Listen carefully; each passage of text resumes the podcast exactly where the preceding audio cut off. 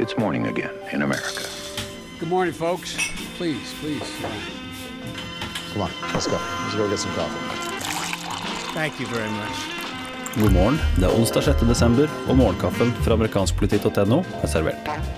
Vi nærmer oss nå innspurten i eh, senatsvalgkampen i Alabama, der republikaneren eh, Roy Moore så vidt leder mot demokraten Doug Jones.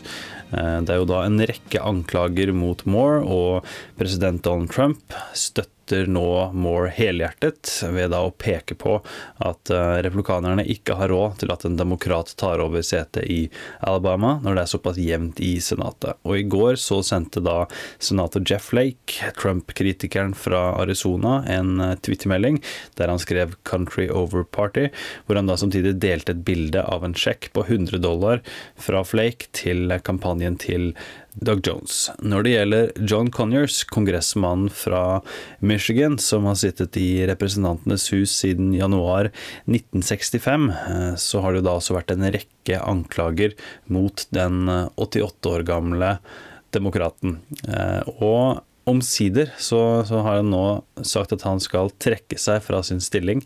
Conyers kom med nyheten på en radiostasjon i Detroit, Michigan, eh, og kunne samtidig fortelle at hans sønn, John Conyers den tredje, kommer til å stille til spesialvalget for å erstatte faren.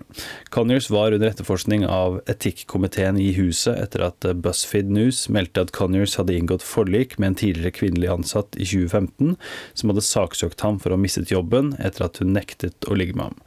Etikkomiteens etterforskning avsluttes nå, ettersom den da ikke kan se på medlemmer som ikke lenger sitter i huset.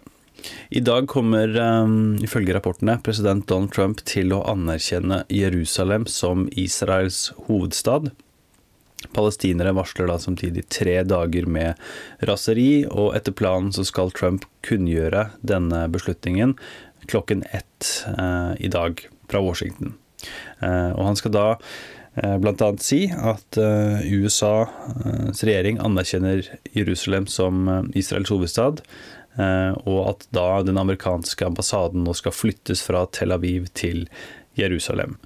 Det her kommer til å skape kaos og voldsomme demonstrasjoner. eh, Og det her er jo da en ting som Trump eh, sa at han skulle gjøre i eh, fjorårets valgkamp gjentatte ganger. Det var en populær sak blant israelvennlige republikanere, som er de fleste. Og selv om han da tidligere i år tok et steg tilbake fra disse planene, så har han nå tydeligvis bestemt seg for å gjøre alvor av snakket. Dagens utgave av Målkaffen er servert av Martin Totland og undertegnede Are Togflaten. Du leser mer om disse og andre saker på amerikanskpolitikk.no. Du finner Målkaffen i Spotify, iTunes og andre podkastapper sammen med Ampullkast, som nå ligger ute med episode 97, der vi har med oss Jan Arild Snoen. Eh, fint hvis du abonnerer deg, for vi skal nå også ha en spesialutgave eh, der eh, jeg skal intervjue Luke Harding, forfatteren av 'Sammensvergelse hvordan Russland hjalp Donald Trump inn i det hvite hus.